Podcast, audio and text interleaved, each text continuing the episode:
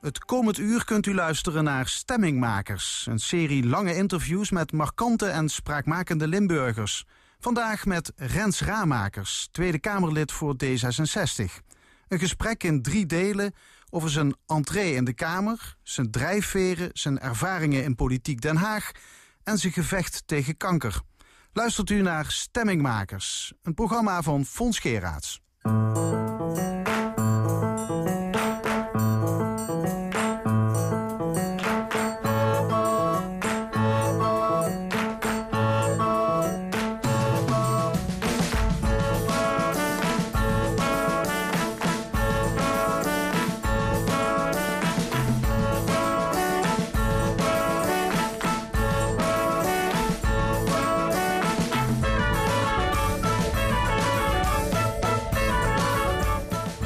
Maar we zijn wel echt, het, zo zie ik het, progressieve element binnen de coalitie. Dus dat, kijk, en progressieve partijen die willen dingen veranderen. En uh, uh, dat, dat merk ik aan mezelf. Ik wil ook dingen veranderen.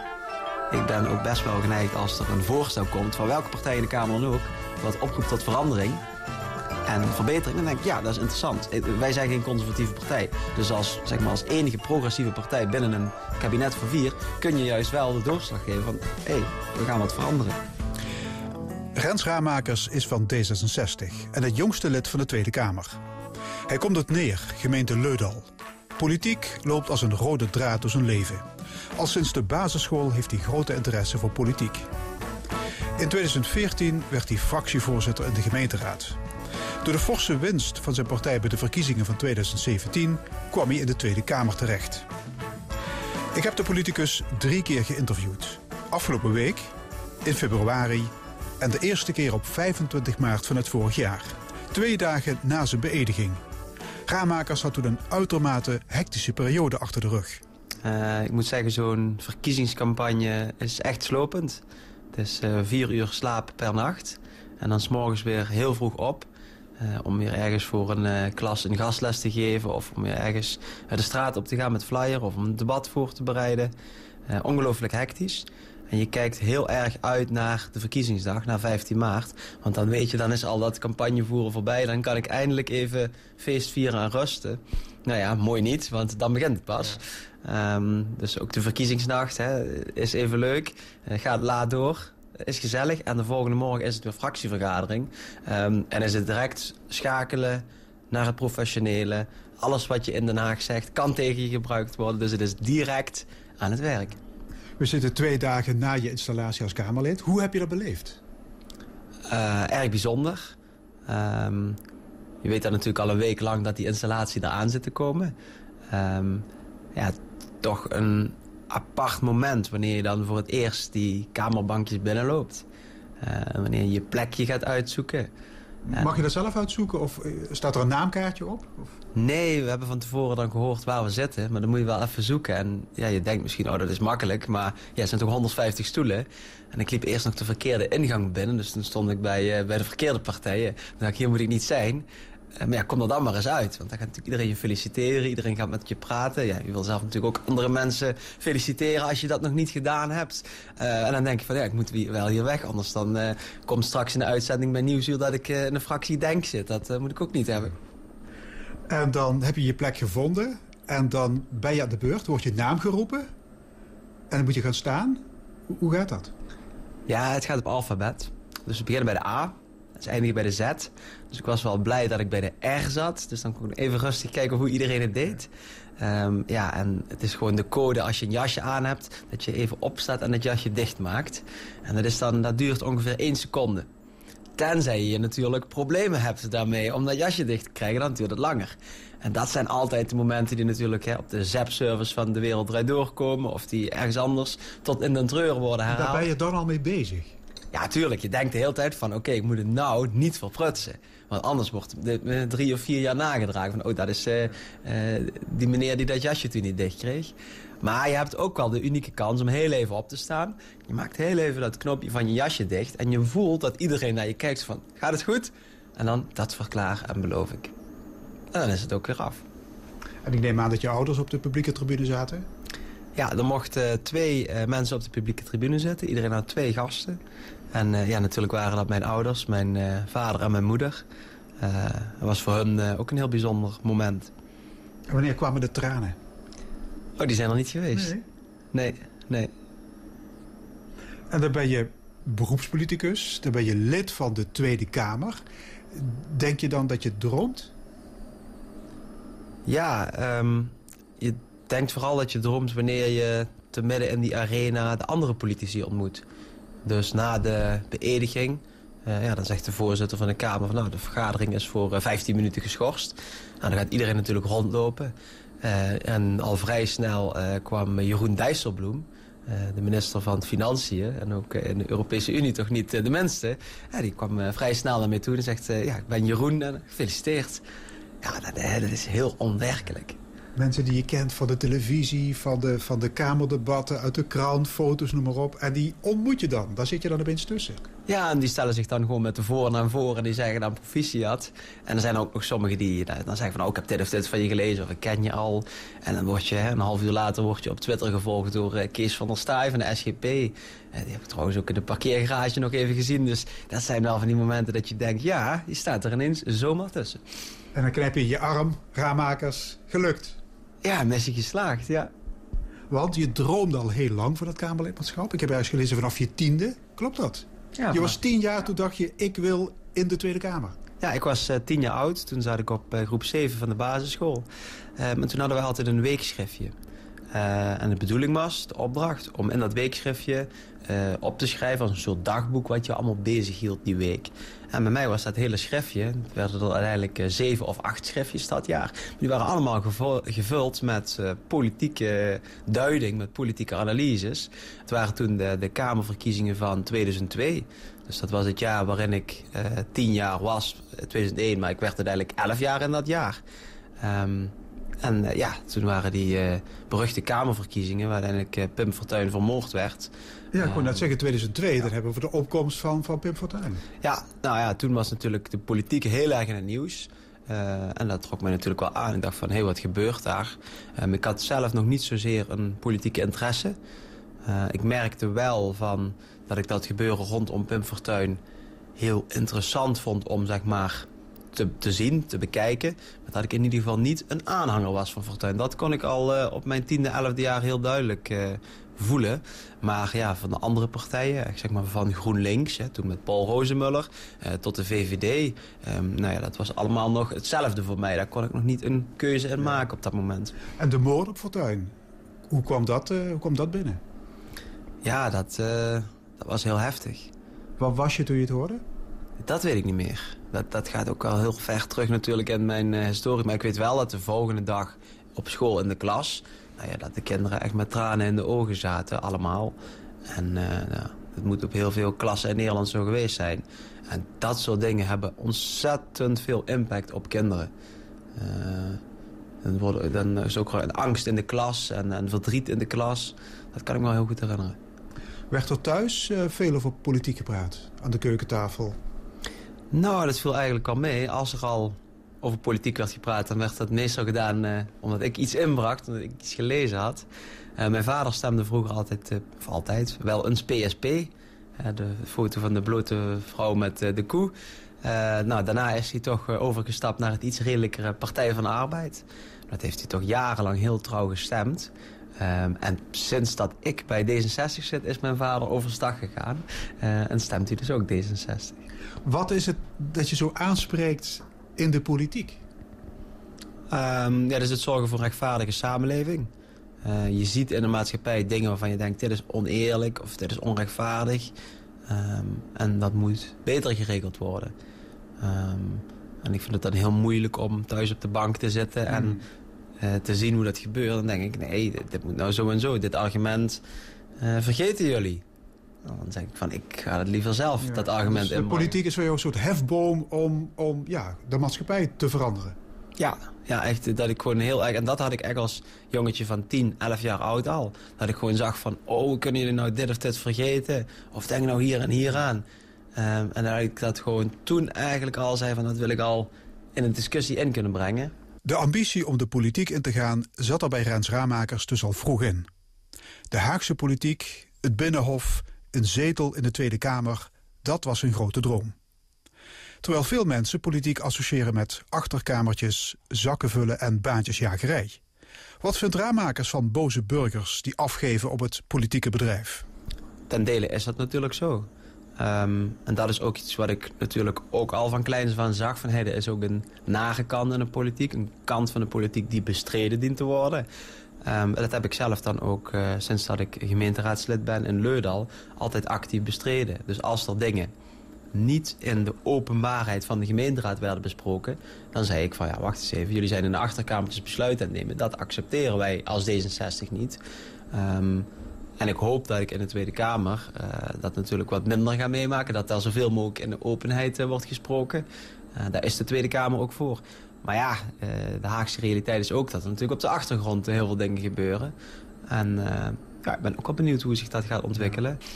Je was lange tijd lid van het jongere discussiepanel van de stemming van, van L1. Ja, dat deed je met zichtbaar plezier. Volgens mij heb je nooit verzaakt. Nee, dat vond ik altijd heel leuk. Ik moest wel uh, op de zaterdagavonden natuurlijk in de kroeg ietsje me inhouden. En dan zei iedereen ook van, uh, nou, je, je, drinkt helemaal niks vanavond. Ik zeg, ja, morgen uh, op de radio. Dus, maar ik vond altijd een genot om met Funs Elbersen van Dwars... en met Jimmy Bastings van het CDA... Um, ja, was gewoon ook een hele goede klik. En had ook een beetje dezelfde humor en dezelfde kijk op hoe politiek in essentie functioneert... Um, ja, dus dat uh, was altijd heel leuk. En ik weet nog dat ik uh, altijd dacht van ja, wie zou er nou het eerste van onze Tweede Kamer ingaan? En stel nou dat Jimmy of Funster eerder in zou zitten als mij. Dat zou natuurlijk al vervelend zijn. Rens, waar was je op de avond van de verkiezingen? 15 maart 2017. We waren in Strandclub Doen in Scheveningen. Uh, prachtige omgeving. Um, en uh, ja, ook wel heel bijzonder om daar die verkiezingsuitslag mee te maken. En tegelijkertijd ook dicht bij Den Haag. Dat is ook wel praktisch. Was toen al duidelijk dat je erin zou komen? ja, bij de eerste prognose, dat was om 9 uur. Uh, dat was dat die, uh, die blokjes van de NOS die gingen niet helemaal mee, maar die hoorden wel de score per partij. Um, ja, en toen was de eerste prognose was 19 zetels voor D66. Nou, dan weet je van zo'n prognose kan er één zetel langs zitten twee zetels wordt eigenlijk al lastig. Dus nou, toen dacht ik 17 zetels. Komt goed, gaat lukken. Ben je erg dronken geworden die avond? Nee, want ik had uh, midden in de nacht een uh, media optreden staan. Ik uh, zou geïnterviewd worden door Radio 2. en dat was om 20 voor 5 s'nachts gepland. nou, de voorlichters van D66 die hoorden dat ik daarvoor benaderd was. Die zeiden, Rens, dat moet je echt niet doen. Dat moet je niet doen. Dus ik dacht, oké, okay, dan zeg ik Radio 2 af. Um, maar ja, goed, het was zo hectisch en druk die dag... dat ik dus vergeten was om Radio 2 af te zeggen. uh, dus om vier uur uh, s'nachts liep ik terug naar mijn hotel. En toen dacht ik, ach, weet je, het is vier uur. Um, laten we dat maar gewoon doen. En uh, ja. ik heb dat interview gewoon gegeven. En ik dacht wel van ja, het heeft een beetje een nachtelijke sfeer. Dus ik kan wat vertellen over ik sta hier in the middle of nowhere. En vervolgens de volgende dag uh, zet Radio 2 natuurlijk overdag dat interview gewoon op de website. En kan iedereen het overdag nog eens naluisteren. Maar, en je had diezelfde ochtend volgens mij al het eerste fractieoverleg. Met de nieuwe D66-fractie. Ja. Onder leiding van Pechtold. Ja, dat was ook wel heel bijzonder. Ja. Dat je dus direct in een fractie zit. Uh, de fractievergadering geleid door Alexander Pechtold... met aan zijn zijde Stientje van Veldhoven, eh, nummer 2 van de lijst. Um, heel onwerkelijk dat je direct mag meepraten. En iedereen... moest, je, moest je iets zeggen? Ja, er is altijd een rondvraag. Dus dan is er bijvoorbeeld iets besproken over... nou, wat gaan we nou doen met de formatie? Uh, wat gaan we doen met de zitplaatsen? En dan is het niet zo dat je je moet invechten in de discussie. Dat kan natuurlijk ook wel. Maar er is ook altijd een rondje dat uh, nou ja, de fractievoorzitter Alexander Pechtold vraagt van... oké, we gaan even een rondje maken. Iedereen mag nu wat zeggen. Dat is wel een hele prettige manier waarbij je als nieuwkomer... Um, toch ook direct iets kunt zeggen. Ja. Hey, en je krijgt een mooi salaris. 7700 euro bruto per maand. Content? Ja, daar ben ik natuurlijk uitermate tevreden mee. Uh, dat heb ik nog nooit verdiend, uh, bij lange na niet. En ik denk, als ik deze baan uh, niet meer heb en ik moet uitkijken naar een nieuwe... dat ik dat ook niet snel zal verdienen. Het is echt een voorrecht om ja, zoveel... bruto is het dan, maar netto is het nog steeds heel veel... om zoveel te verdienen. En ik maak me wat dat betreft ook geen illusies. Um, dat kan nu voor acht maanden zijn, dat kan voor twee jaar zijn. Het is heel belangrijk om met beide benen op de grond te blijven staan... En om, ja, ondanks dat je salaris zo groot is, dat je aanzien nou ja, groter is... je moet gewoon met beide benen op de grond blijven staan... Ehm, je weet niet hoe, voor hoe lang het is, het Kamerlidmaatschap. Nee, kan, kan wel gauw afgelopen zijn. Ja, het is wat dat betreft de meest flexibele baan die er is.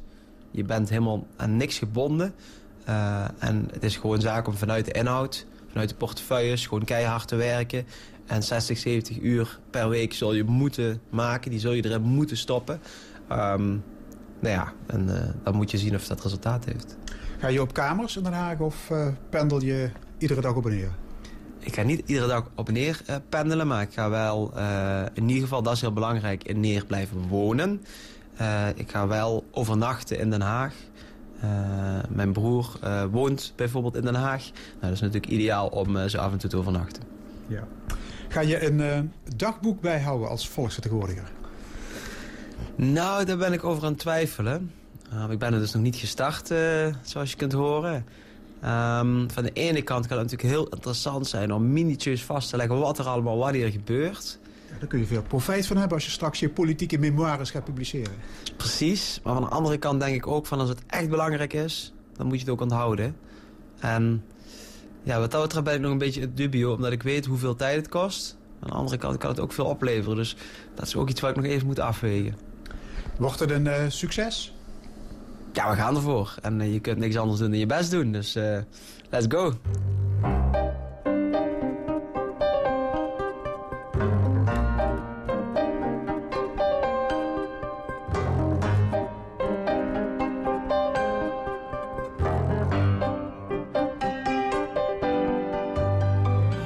1 februari interview ik de Limburgse D66-politicus voor de tweede keer. Ditmaal in zijn werkkamer op het Binnenhof. Op dat moment is hij tien maanden Kamerlid en heeft het kabinet, na de langste formatie ooit, de eerste 100 dagen achter de rug. Die coalitie van VVD, CDA, ChristenUnie en D66 met een meerderheid van één zetel. Was dat de coalitie van zijn voorkeur? Rens Nou, het was natuurlijk niet het kabinet van onze voorkeur. We hebben heel lang eh, geprobeerd om een kabinet te vormen met GroenLinks. Ik denk dat dat uh, qua coalitievoorkeur was een, hè, lag een progressieve partner voor de hand. Uh, dus we waren ook wel teleurgesteld dat GroenLinks niet mee wilde doen. Hebben we het dan nog een extra keer geprobeerd. Hebben we ook best wel een aantal fractievergaderingen gehad... waar we echt zeggen, we, gaan, willen het nog een keer met GroenLinks proberen. Nou, dat hebben we nog een keer gedaan. Um, maar ja, je krijgt dan als uh, Kamerlid krijg je ook alle inside informatie. En daaruit bleek toch wel heel duidelijk dat GroenLinks echt niet wilde. Uh, dat dat echt een paar obstakels werden opgeworpen. Nou, dat is allemaal breed in de media uitgemeten. Ja, en dan het land moet toch bestuurd worden.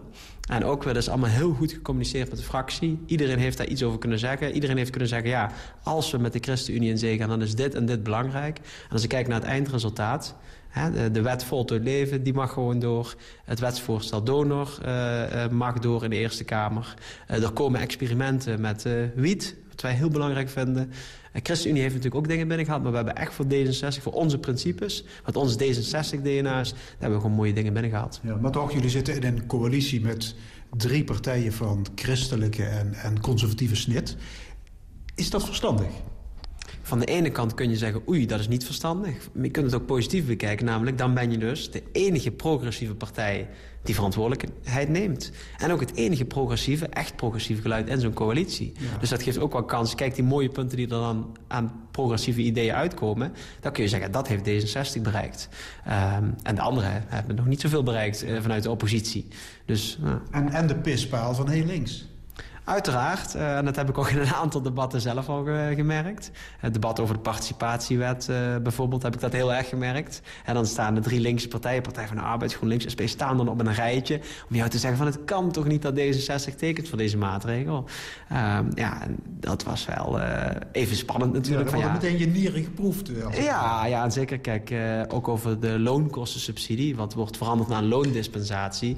Uh, is heel veel in het nieuws gekomen. Uh, de Wajong is veel in het nieuws geweest. Uh, de wachtlijst in de jeugdzorg. Dat zijn allemaal thema's ja, waar je als coalitie best wel wat te verdedigen hebt. Um, maar toch vind ik dat we daar goede ideeën hebben. En ben ik gewoon heel ambitieus om daar de komende jaren werk van te maken. Hoe bevallen de eerste tien maanden hier op de Kamer? Ik heb helemaal mijn draai gevonden. Ja. Het was natuurlijk op het begin wennen. Je weet niet welke portefeuille je gaat doen. Je moet ook een beetje kijken van ja, hoe werkt het hier? En wat ik de eerste maanden heel erg had was als een kind in de snoepwinkel. Dus als ik dan zie Brand Puma op de gang zag lopen... of Jesse Klaver, dan dacht ik, wow, fractieleider. Uh, ja, en, en, Mark Rutte die is een keer mijn kamer binnengekomen... Uh, samen met Alexander Pechtold. Toen zei hij van, ja, hier zit dus het jongste Kamerlid. Nou, je weet niet wat je overkomt als de premier van het land... je kamer komt binnengelopen. Ja, dat is een heel machtig moment. En ik denk dat ik toen drie uh, maanden in de Kamer zat. Maar toen was ik, zat ik op het punt van, ja, zal ik nou een minuut met Mark Rutte gaan praten? Of zal ik hem vragen voor hè, een fotomoment? En toen ben ik er toch overheen gestapt, dat over die fotomomentjes. Hè, dat, op een gegeven moment, je bent zelf Kamerlid. Ja. ik, ik heb het toch gebruikt om een minuut goed met Mark Rutte te praten. Maar het is eigenlijk gewoon de man die jij moet controleren. Ja, zeker. Al heb ik natuurlijk hè, op mijn beleidsterrein en niet zoveel met premier te maken, wel met de vicepremier. Uh, Hugo de Jonge, die bijvoorbeeld verantwoordelijk is voor de jeugdzorg. Maar zelf heb ik direct niet zoveel met Rutte te maken. Uh, inmiddels is dat, of het nou gaat over Mark Rutte of Hugo de Jonge... Eh, of, of Lodewijk Asscher, waar ik ook nog debatten mee heb gevoerd... toen hij nog vicepremier was, demotionaire periode. Het is normaal geworden. en dat is wel ontzettend eervol... Uh, dat je als Tweede Kamerlid met ja, uh, de allerbelangrijkste mensen van ons land uh, in een debat kunt gaan. op het begin was dat heel spannend en nu is dat gewoon, ja, het is dagdagelijkse bezigheid. Ja. En is het hard werken? Maak je lange dagen? Ja, het is wel hard werken. Je moet als Kamerlid, ben je echt een schaap met vijf poten. Je moet echt vijf verschillende dingen doen elke dag. Uh, en als gemeenteraadslid in Leuden had ik gewoon... nou, dan was er iets met uh, de bibliotheek aan de hand. En dan ging ik helemaal alleen maar voor die bibliotheek. En de volgende maand was er iets met subsidies. En hier is het zo dat je gewoon met vijf dingen tegelijk continu bezig bent. Dus je bent met vijf onderwerpen bezig. Daar komt een debat aan, of daar ligt een mediaverzoek... of uh, je hebt schriftelijke vragen gesteld. En terwijl je al die inhoud aan het managen bent. Daar heb je natuurlijk ook medewerkers voor. Maar tegelijkertijd uh, zijn er allerlei andere aspecten waar je op moet letten. Zoals de fractievergaderingen. Wat vindt de partij? De media die hier door het gebouw lopen... die jou over allerlei lastige dingen vragen kunnen stellen. Uh, je hebt natuurlijk ook kiezers. Hè? Je hebt mensen die hier willen langskomen. Je hebt de lobbyisten die zeggen, ik wil met je in gesprek. Dus je hebt allerlei verschillende dingen die je moet doen op een dag. Komt op dus werk dat je volledig opslokt. Gewoon zeven dagen in de week. Als je niet uitkijkt wel.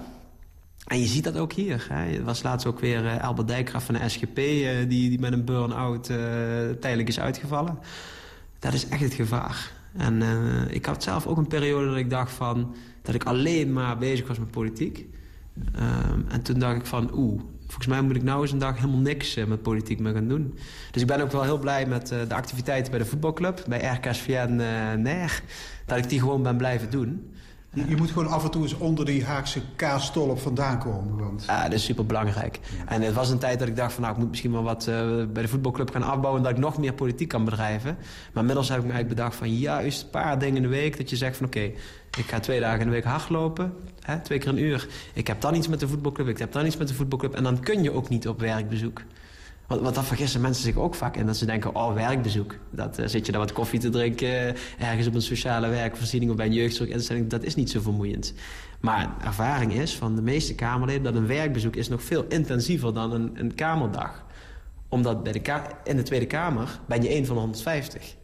Maar op werkbezoek, dan ben jij die ene. En die, die is van de Tweede Kamer en die willen ze alles vertellen.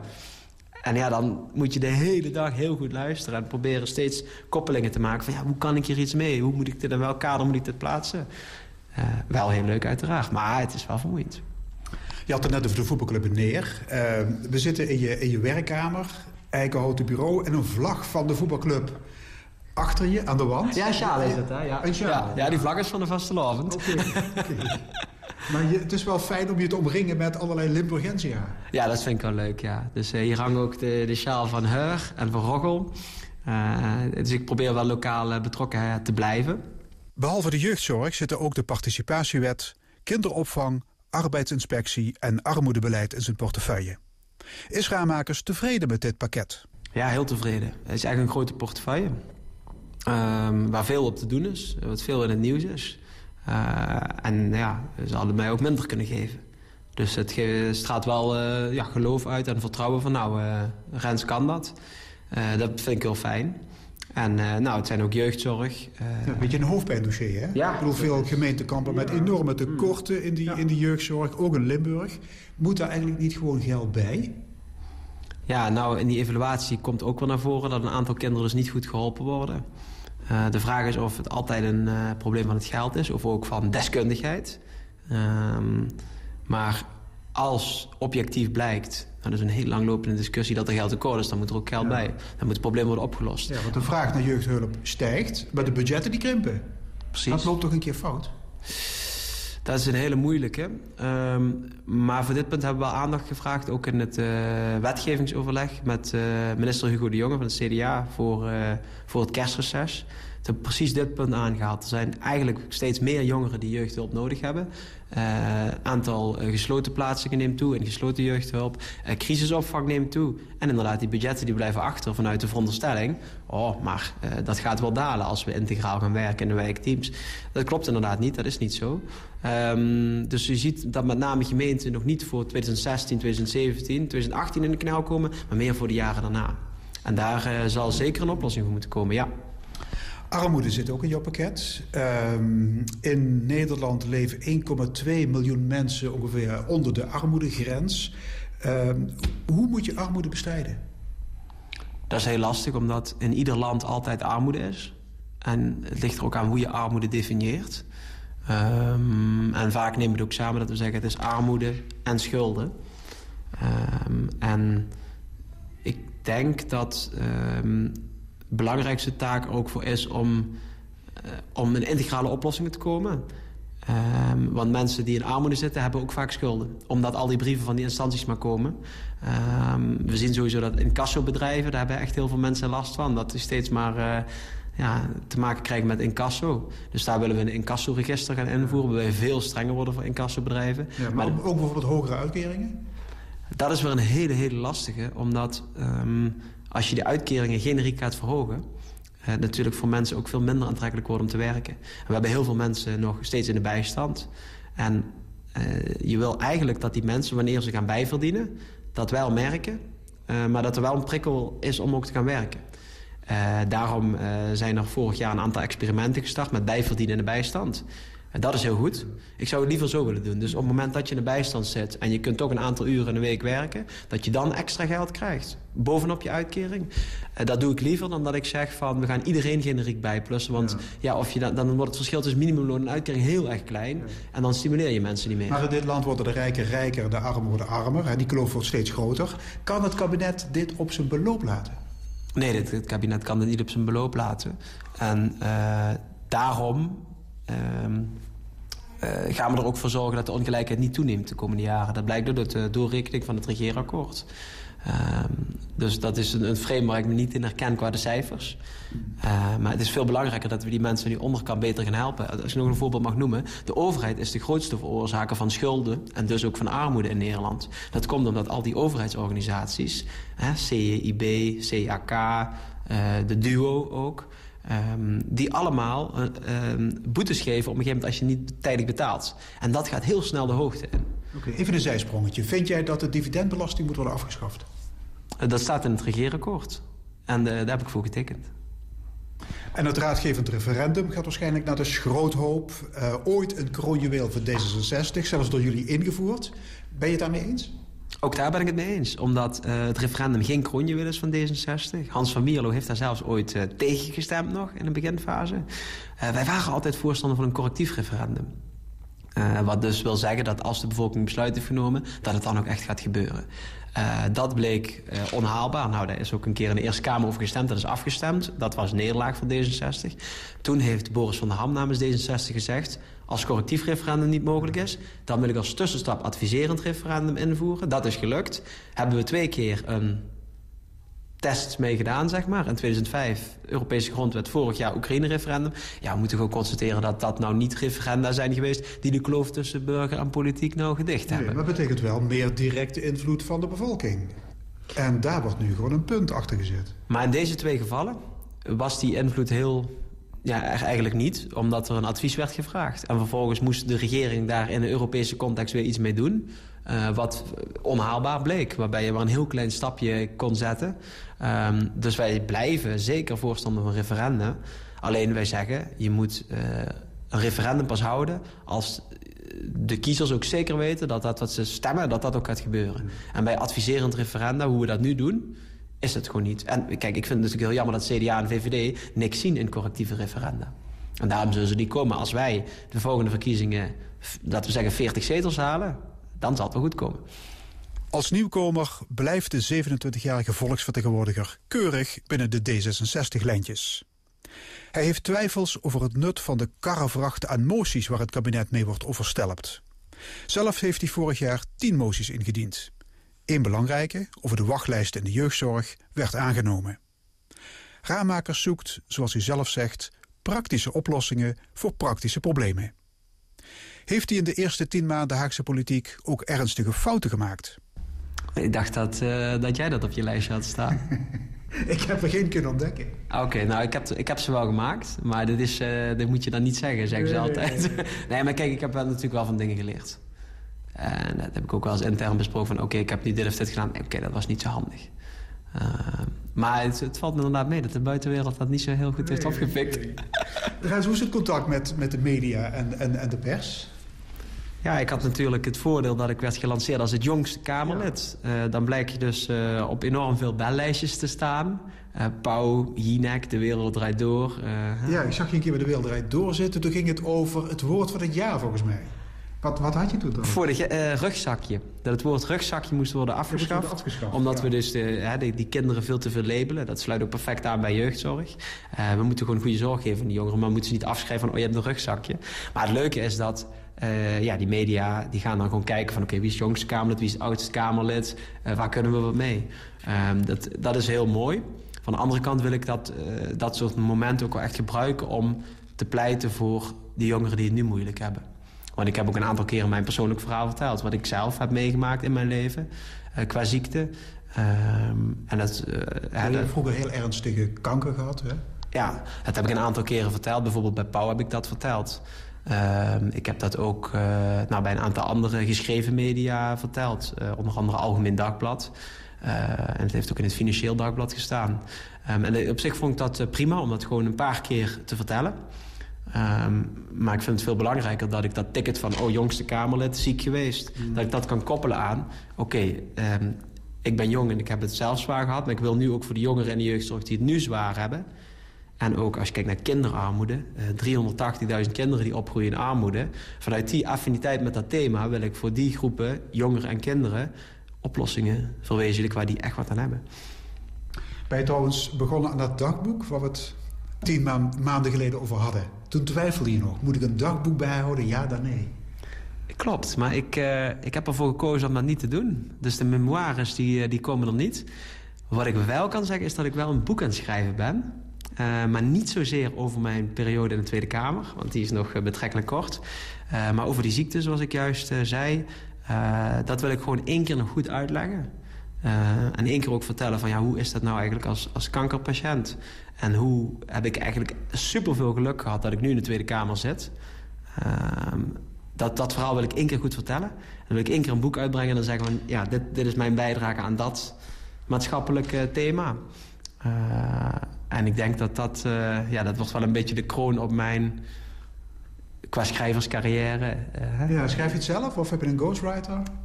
ik schrijf het deels zelf, maar ik heb wel iemand die daarmee die meeschrijft. Dus ik schrijf het eigenlijk met twee personen. Maar de memoires van de Tweede Kamer bestaan... Nee, ik ben niet alles bewust aan het opslaan van hier, nee. Maar je hebt kennelijk zoveel meegemaakt rond die ziekte. Je hebt er zoveel over te vertellen dat je er echt een heel boek aan kunt wijden. Ja, ja, en op een gegeven moment had ik ook een aantal media het verhaal verteld. En toen dacht ik van, ja, ik kan het toch uh, steeds net niet goed, goed genoeg vertellen. Um, en dan vind je dat ook een beetje vervelend dat je denkt van... Uh, ja, ik wil het gewoon één keer goed vertellen. En in een uur, of ja, zeker in een televisietalkshow van vijf minuten of tien minuten... krijg je het hele verhaal niet verteld. En de uh, uitgever en zo is al... Uh... Daar zijn we nog mee bezig, maar ja, het moet goed komen. Is je leven sinds de Tweede Kamerverkiezingen erg veranderd? Ja, de vraag stellen is een beantwoorden, denk ik. Hè? Ja, het is wel van de ene kant heel erg veranderd. Alleen ook weer niet omdat ik als gemeenteraadslid ook fulltime met politiek bezig was. Dus ik was een politiek dier en ik ben een politiek dier. En waar ik voor moet uitkijken is dat het niet alleen maar politiek wordt... want dan heb je geen rust meer.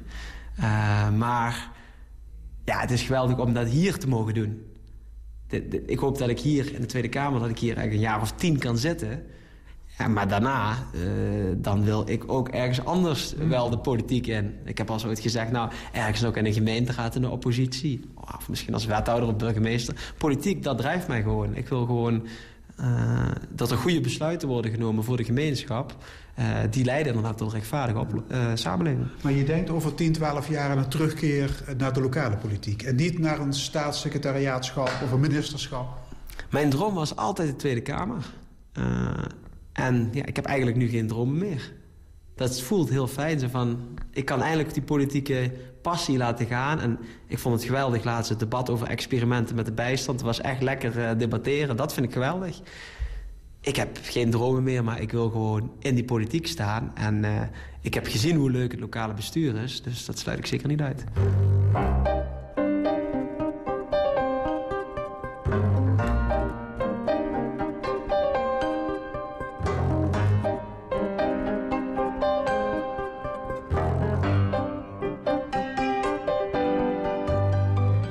Juni interview ik Rens Raamakers voor de derde en laatste maal. Ditmaal, net als de eerste keer, in zijn woonplaats Neer... waar hij drie jaar fractievoorzitter was. De Neerse Weerse voelt zich nog altijd zijn nang in de kamerbankjes. Ik informeer naar zijn gemoedstemming. Nou, het is uh, vlak voor het zomerreces. En uh, dat betekent uh, dat het in de Tweede Kamer super druk is. Um, want ja, die, die, begroting die komt. Hè, met Prinsjesdag komen de plannen voor volgend jaar. En uh, voor de zomer moeten er nog ontzettend veel dingen worden afgerond. Uh, dus alle plannen van de ministers en de staatssecretarissen... die moeten allemaal voor de zomer in de stijger staan. Dus we hebben behoorlijk wat, wat zaken voorbij gehad de afgelopen maanden. En het was best wel druk. maar ook heel eervol om dat werk te mogen doen. En om je ja, bijna 24 uur per dag bezig te zijn met nou ja, het schuldenbeleid in Nederland. Uh, of met loondispensatie, mensen met een afstand tot de arbeidsmarkt. Of met de jeugdzorg of uh, jeugdcriminaliteit. Dus uh, het was druk, maar en er zal nog twee weken wat nogal druk zijn tot ja. het zomerreces. En heb je het kabinet flink het vuur in de schenen gelegd? Ja, soms wel. Ja. Soms, soms wel. Um, maar je bent natuurlijk wel coalitiepartij. Dus, je staat dus voor dat betekent dat automatisch de handrente op zit? Nou, je staat voor de afspraken die je gemaakt hebt in het regeerakkoord. En het zou natuurlijk raar zijn als je daar... Uh, als je op de, je eigen uh, wenspunten... Ja, dan ben je natuurlijk blij mee dat je ze hebt binnengehaald. En de Limburgse Kamerleden, trekken die nog een beetje met elkaar op? Ja, we hebben het appgroepje, dat is ook algemeen bekend. Um, en we zien elkaar uh, regelmatig. En dat is ook hartstikke leuk. En als we bezoekers hebben en je ziet dat Liliane Ploemen op de gang loopt... dan loop je even naar elkaar toe... Of met Martijn van Helvert. Ja. Dat, is, dat is altijd leuk. Ja, nee, maar het is leuk kletsen en ook in zo'n appgroepje. Maar in de tijd van Thijs Wulgens, Jos van Rij, Ger Koopmans... toen was er sprake van een Limburg-lobby. Mm. Is daar nog iets van over? Ja, het is allemaal ook misschien voor mijn tijd. Maar wat ik merk is, uh, het is heel belangrijk dat er regionale Kamerleden zijn. Uh, het is belangrijk dat de regio zich gehoord voelt. Um, maar kijk, ik ben bezig met jeugdzorg en met armoedebeleid. En ik wil dit, dit, in Nederland verbeteren.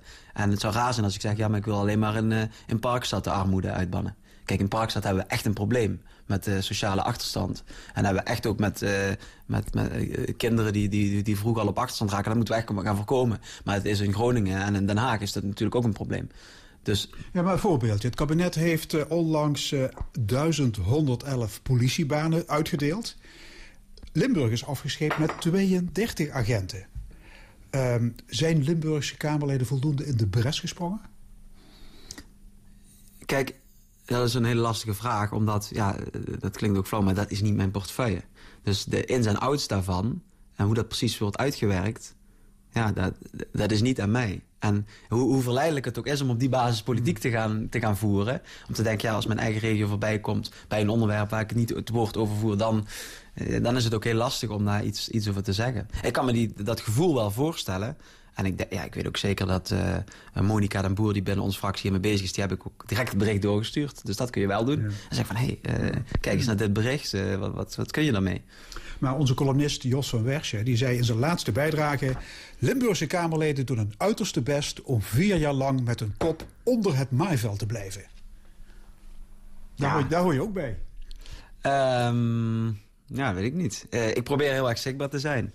Dus ik ga ontzettend veel op, op werkbezoek in Limburg. Uh, iedere vrijdag. en iedere recessperiode ben ik bijna elke dag op pad. Dat vind hartstikke leuk om te doen. en de mensen kunnen mij ook overal tegenkomen, hier zeker in Neer. zondag gaan we weer het, het beek springen. En ja, bedoel, maar ik ben niet bezig om als je het hebt over, ja, om zoveel mogelijk publiciteit of, of wat dan ook te genereren. Ik wil gewoon, ik, ik voel me Limburger. En vanuit die insteek vul ik het kamerwerk in. Maar ik kan niet voor alles wat Limburg aangaat... Uh, steeds op de bres, steeds op de trom gaan slaan. Dat doe ik intern soms wel, maar ja, naar buiten toe kan het niet altijd. Is het irritant als je altijd op je Limburgse afkomst wordt aangesproken? Want je zit daar natuurlijk mm -hmm. voor, het, voor het hele land, hè? Niet, niet voor, dit, voor deze regio. Nou, de, ieder heeft zijn eigen achtergrond. En ja, je merkt wel van, oh, ja, is iemand uit Limburg? Ja, dat, is, dat kan ook een kracht zijn. Dus uh, ja, ik gebruikte vooral de, de kracht van uh, de dorp Neer. En de Neerse Werse. die, die koppigheid en die standvastigheid. En ook binnen de coalitie kun je af en toe best wel uh, standvastig zijn en zeggen... Nee, dit vind ik gewoon. Rens, je hebt op ons verzoek een haiku geschreven. Een drieregelig Japans gedicht met vijf, zeven en vijf lettergrepen. Wat is het geworden? Leven in het niets. De pijn en angst verbijten. Droom van politiek. Ja, dat is wat je noemt een, een vingerhoedje vol emotie. Mag ik hem regel voor regel met je doornemen? Zeker. Leven in het niets. Dat heeft uh, nou, alles te maken met mijn, uh, mijn, mijn ziekteachtergrond. Uh, het feit dat ik in 2009 tot 2011 ja, te maken heb gehad met zaadbalkanker, met, met uitzaaiingen. En toen heel erg geworsteld heb met van ja, wat is het leven? En is er na het leven, is er na het leven nog iets? Uh, en, en, en ja, wat is het hier allemaal op aarde? Wat doe je het voor? En nu ik in de politiek zit... Kijk, soms heb je een spannend debat. Wat ik net al noemde, debat over loondispensatie. Of heb je een debat uh, over jeugdzorg... Met, met vicepremier Hugo de Jonge. En dan denk je van, goh, het is wel spannend vandaag. En dan denk ik altijd van, leven in het niet. Zo van, er kan eigenlijk niks misgaan. Waar zou je je nog zorgen over maken? Je moet gewoon plezier hebben en je moet gewoon vol enthousiasme... moet je voor de jongeren opkomen of voor die mensen met een afstand tot de arbeidsmarkt. En uh, nou, ga ervoor, denk ik dan. En denk van, voor hetzelfde geld als ik er niet meer geweest... dan had ik niet kunnen opkomen voor die mensen. Dus ik moet niet zenuwachtig zijn dat ik nu in een debat sta waar uh, heel veel druk op staat. Of dat ik nu in een debat de minister dit en dit ga vragen... terwijl ik eigenlijk weet dat hij dat helemaal niet wil. Uh, dus die levensgevaarlijke ziekte heeft jou enorme inzichten opgeleverd? Ja, hij heeft me zeker inzichten opgeleverd. Uh, niet altijd positief.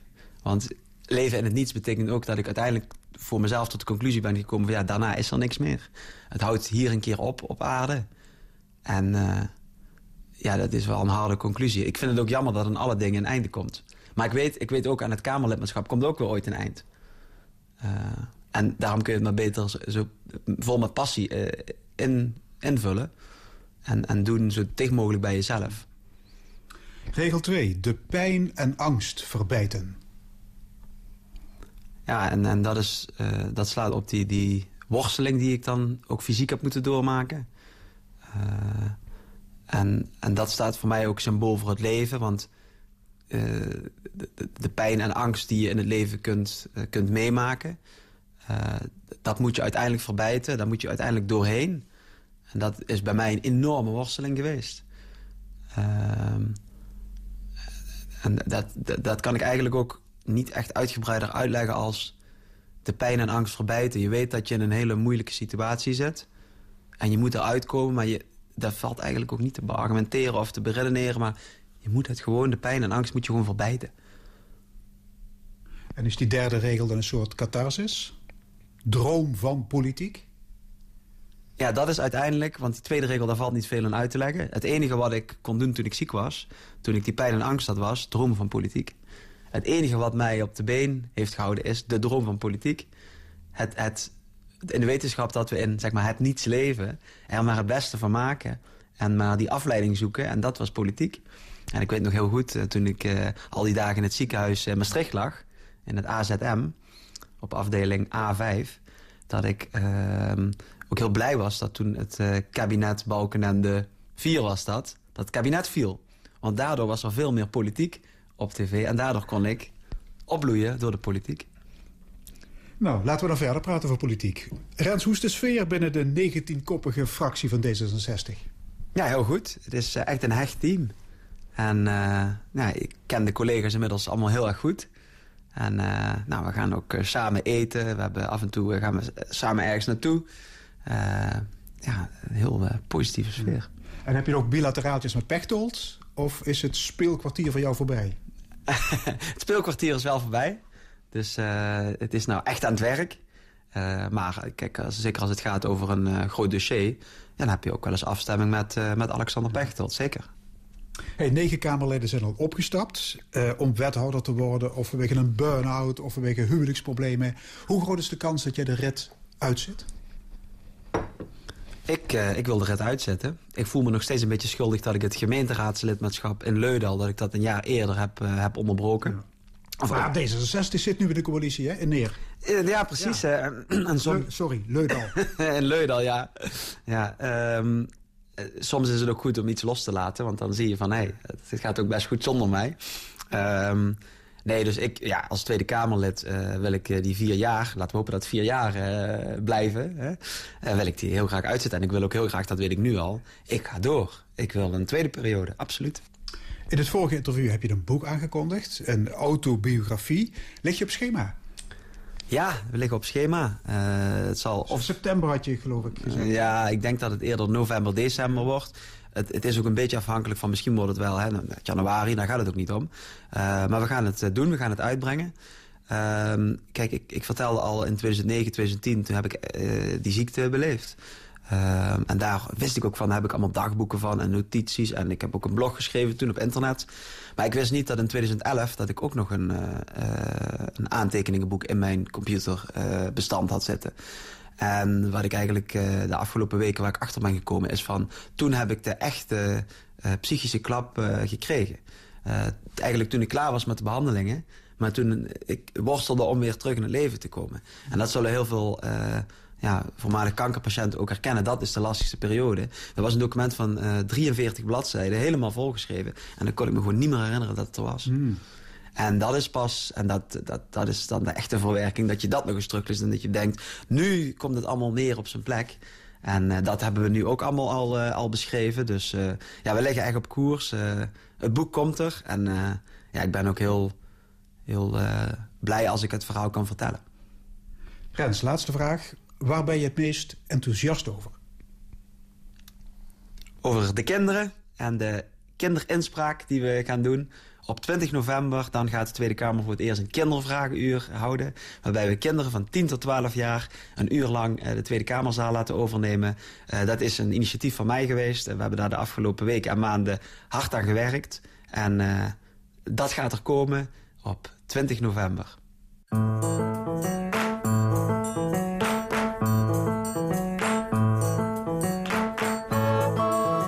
luistert naar Stemmingmakers. Deze keer met het Limburgse D66 Tweede Kamerlid Rens Raamakers. Techniek Edwin Maas. Samenstelling Fons Geraads. Tot aan nieuws en reclame, muziek. Moi, je